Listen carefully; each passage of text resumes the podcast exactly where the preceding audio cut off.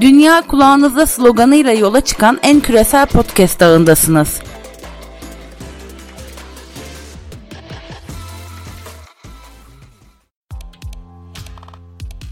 Herkese selamlar. Ben Adem Yılmaz. İran Podcast ikinci yayınımıza hoş geldiniz. Bugün 18 Temmuz 2020. Bugünkü program konumuz son günlerde sıkça gündeme gelen İran ve Çin arasındaki 25 yıllık stratejik işbirliği anlaşması olacak. Bu programda söz konusu anlaşmanın içeriğine dair iddiaları, anlaşmaya yönelik tepkileri ve anlaşma özelinde İran dış politikasındaki dönüşüme odaklanmaya çalışacağım. Öncelikle şunu belirtmem gerekir ki bahsi geçen anlaşma ilk olarak Çin Devlet Başkanı'nın 2016 yılında İran'a düzenlediği ziyaret sonrası gündeme gelmişti. Şu an iki tarafında ne Pekin ne de Tahran'ın anlaşmanın içeriğine dair kesin bir açıklaması yok. Fakat dış basına yansıyan bazı haberler var. Özellikle 18 sayfalık bir taslak metinden söz ediliyor. Yine iddialara göre bu taslak metinde Urumçi'den Tahran'a demiryolu projesi, Çin'in İran'a yaklaşık 400 milyar dolarlık yatırım yapacağına dair iddialar var. Ve bu yatırımlar karşılığında enerji kaynaklarının %32 indirimle alınacağı söyleniyor. Bununla birlikte Çin'in İran'daki yatırımlarını korumak amacıyla yaklaşık 5000 kişilik askeri gücü İran'da konuşlandıracağına dair iddialar var. Ve son olarak da İran'ın güney batısındaki Kiş adasının Çin'e tahvil edileceğine dair yine iddialar var. Fakat İran makamları bu iddiaları yalanladı. İran Dışişleri Bakanlığı iki ülke arasındaki ekonomik işbirliğinin boyutları hakkında bir anlaşmanın planlandığını, kesinleşmesi halinde de anlaşma metninin yayınlanabileceğini duyurdu. Yine İran Cumhurbaşkanı Hasan Rouhani, İran'dan bir karış toprak dahi herhangi bir ülkeye verilmeyeceğine dair bir açıklamada bulundu. Bununla birlikte söz konusu 25 yıllık anlaşma ile beraber Tahran hükümetinin ulusal çıkarlarını tehlikeye attığına dair tartışmalar da gündeme gelmekte. Benzer tartışmalar Hazar Denizi'nin hukuki statüsüne dair Rusya ve Hazar'a kıyısı bulunan diğer komşu ülkelerle varılan anlaşmada İran'a düşen pay konusunda yaşanmıştı. Bu tepkilerin e, başında İran eski Cumhurbaşkanı Mahmut Ahmedinejad'ın ifadeleri gelmekte. Yabancı bir ülke ile 25 yıllık yeni bir sözleşme imzalamak istiyorlar ve bunu kimse bilmiyor. İran halkının istek ve iradesi dikkate alınmadan milli çıkarlara aykırı bir biçimde imzalanan herhangi bir anlaşmayı milletimiz resmi olarak geçerli saymayacak olacaktır sözleriyle tepkisini dile getirdi Ahmedinejad. Öte yandan Tahran yönetiminin muhalifleri iddia edilen anlaşmanın ikinci bir Türkmen çay olduğunu dile getiriyorlar. Tabi Türkmen çay anlaşmasıyla dönemin devletlerinden Gacarlar Güney Kafkasya'yı Ruslara kaybetmişti ve bu anlaşma İran tarihindeki en büyük hizmetlerden biri olarak kabul ediliyor. Böyle bir benzetme ile de anlaşmaya yaklaşanlar var. Tahran dış politikasındaki çelişkiler de eleştirilmekte. Devrim sonrası ne şark ne garp fakat Cumhuriye İslami yani ne batı ne doğu sadece İslam Cumhuriyeti sloganı çok meşhurdu. İran devrim sonrası İslamofobiye, emperyalizmle mücadele edeceğini dile getirmişti. Şimdi bakıldığı zaman İran dış politikada ideolojik anlamda çelişkili bir şekilde en yakın bağlarını Çin ve Kuzey Kore gibi komünist devletlerle kuruyor.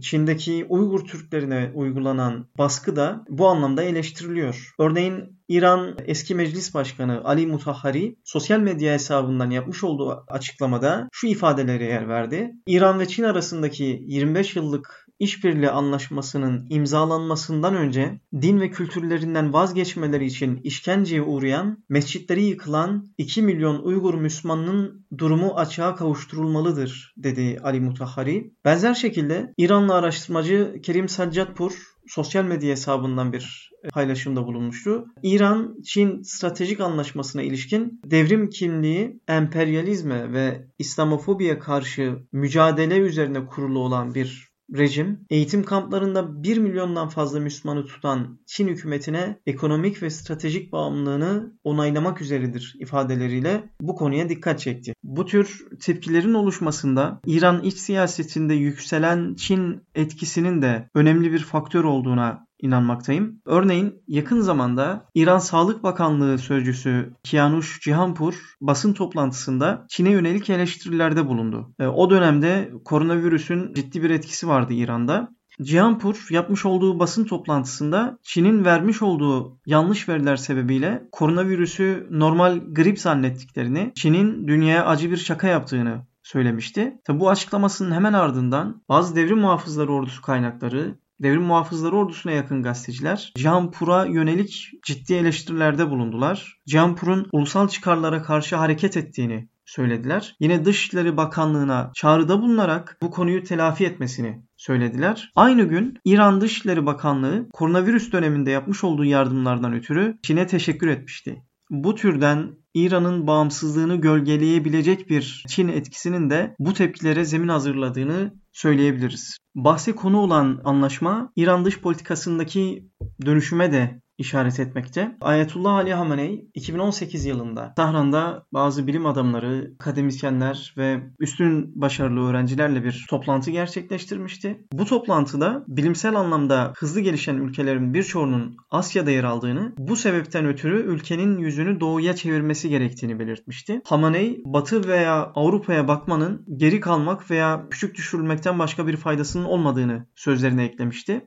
Hamenei'nin kullandığı bu ifadeler İran dış politikasındaki doğuya bakış stratejisi şeklinde yorumlanmıştı. Hatırlayacak olursak 79 devriminin meşhur sloganlarından biri ne batı ne doğu sadece İslam Cumhuriyeti'ydi. Bu ifade İran Dışişleri Bakanlığı binasının giriş kapısının üstünde yer almakta. Ne batı ne doğudan doğuya bakışa doğru bir dönüşüm yaşanmakta İran dış politikasında. İran devrim lideri Hamaney, Çin devlet başkanının İran'a gerçekleştirdiği ziyarette, 2016'daki ziyarette ekonomik yaptırımlar dönemindeki işbirliğini asla unutmayacaklarını söylemişti. Bu bağlamda ABD yaptırımlarının etkisini günden güne arttırması ve Avrupa ülkelerinin de Washington'dan bağımsız bir İran politikası yürütememeleri Tahran'ın doğuya bakış yaklaşımının nedenlerinden biridir diyebiliriz. İki ülkenin 25 yılı kapsayan stratejik anlaşmasını hikmetli olarak nitelendiren Hamaney bu anlaşmanın mutlaka uygulanma aşamasına geçmesi gerektiğini vurgulamıştı o dönemde. Öte yandan hassas jeopolitik konumu, büyük enerji kaynakları ve 85 milyonluk tüketici pazarıyla birlikte İran bir kuşak bir yol projesinde Çin açısından önemli bir ülke. Hamaney'in öncülüğündeki İran dış politikasında doğuya bakış stratejisiyle Çin'in bir kuşak bir yol projesinin birbiriyle kesişimi Tahran ve Pekin'i öngörülemeyen bir hızla birbirine yakınlaştırıyor. 25 yıllık stratejik anlaşma girişimi iki ülke arasındaki bu yakınlaşmayla birlikte değerlendirildiğinde daha da anlam kazanacaktır. Söz konusu anlaşmanın taslak metninin basına yansıdığı gün Hizbullah Genel Sekreteri Hasan Nasrallah yapmış olduğu açıklamada Çinli şirketleri yatırım yapmak için Lübnan'a davet etmişti. Böyle bir çağrıda bulunmuştu. Bu açıdan da bakıldığında sadece İran değil, İran'ın direniş ekseni diye nitelediği bölgedeki müttefik aktörler de Çin'le ekonomik bir anlaşmaya yakınlaşıyor diyebiliriz. İlerleyen günlerde anlaşmanın asli maddeleri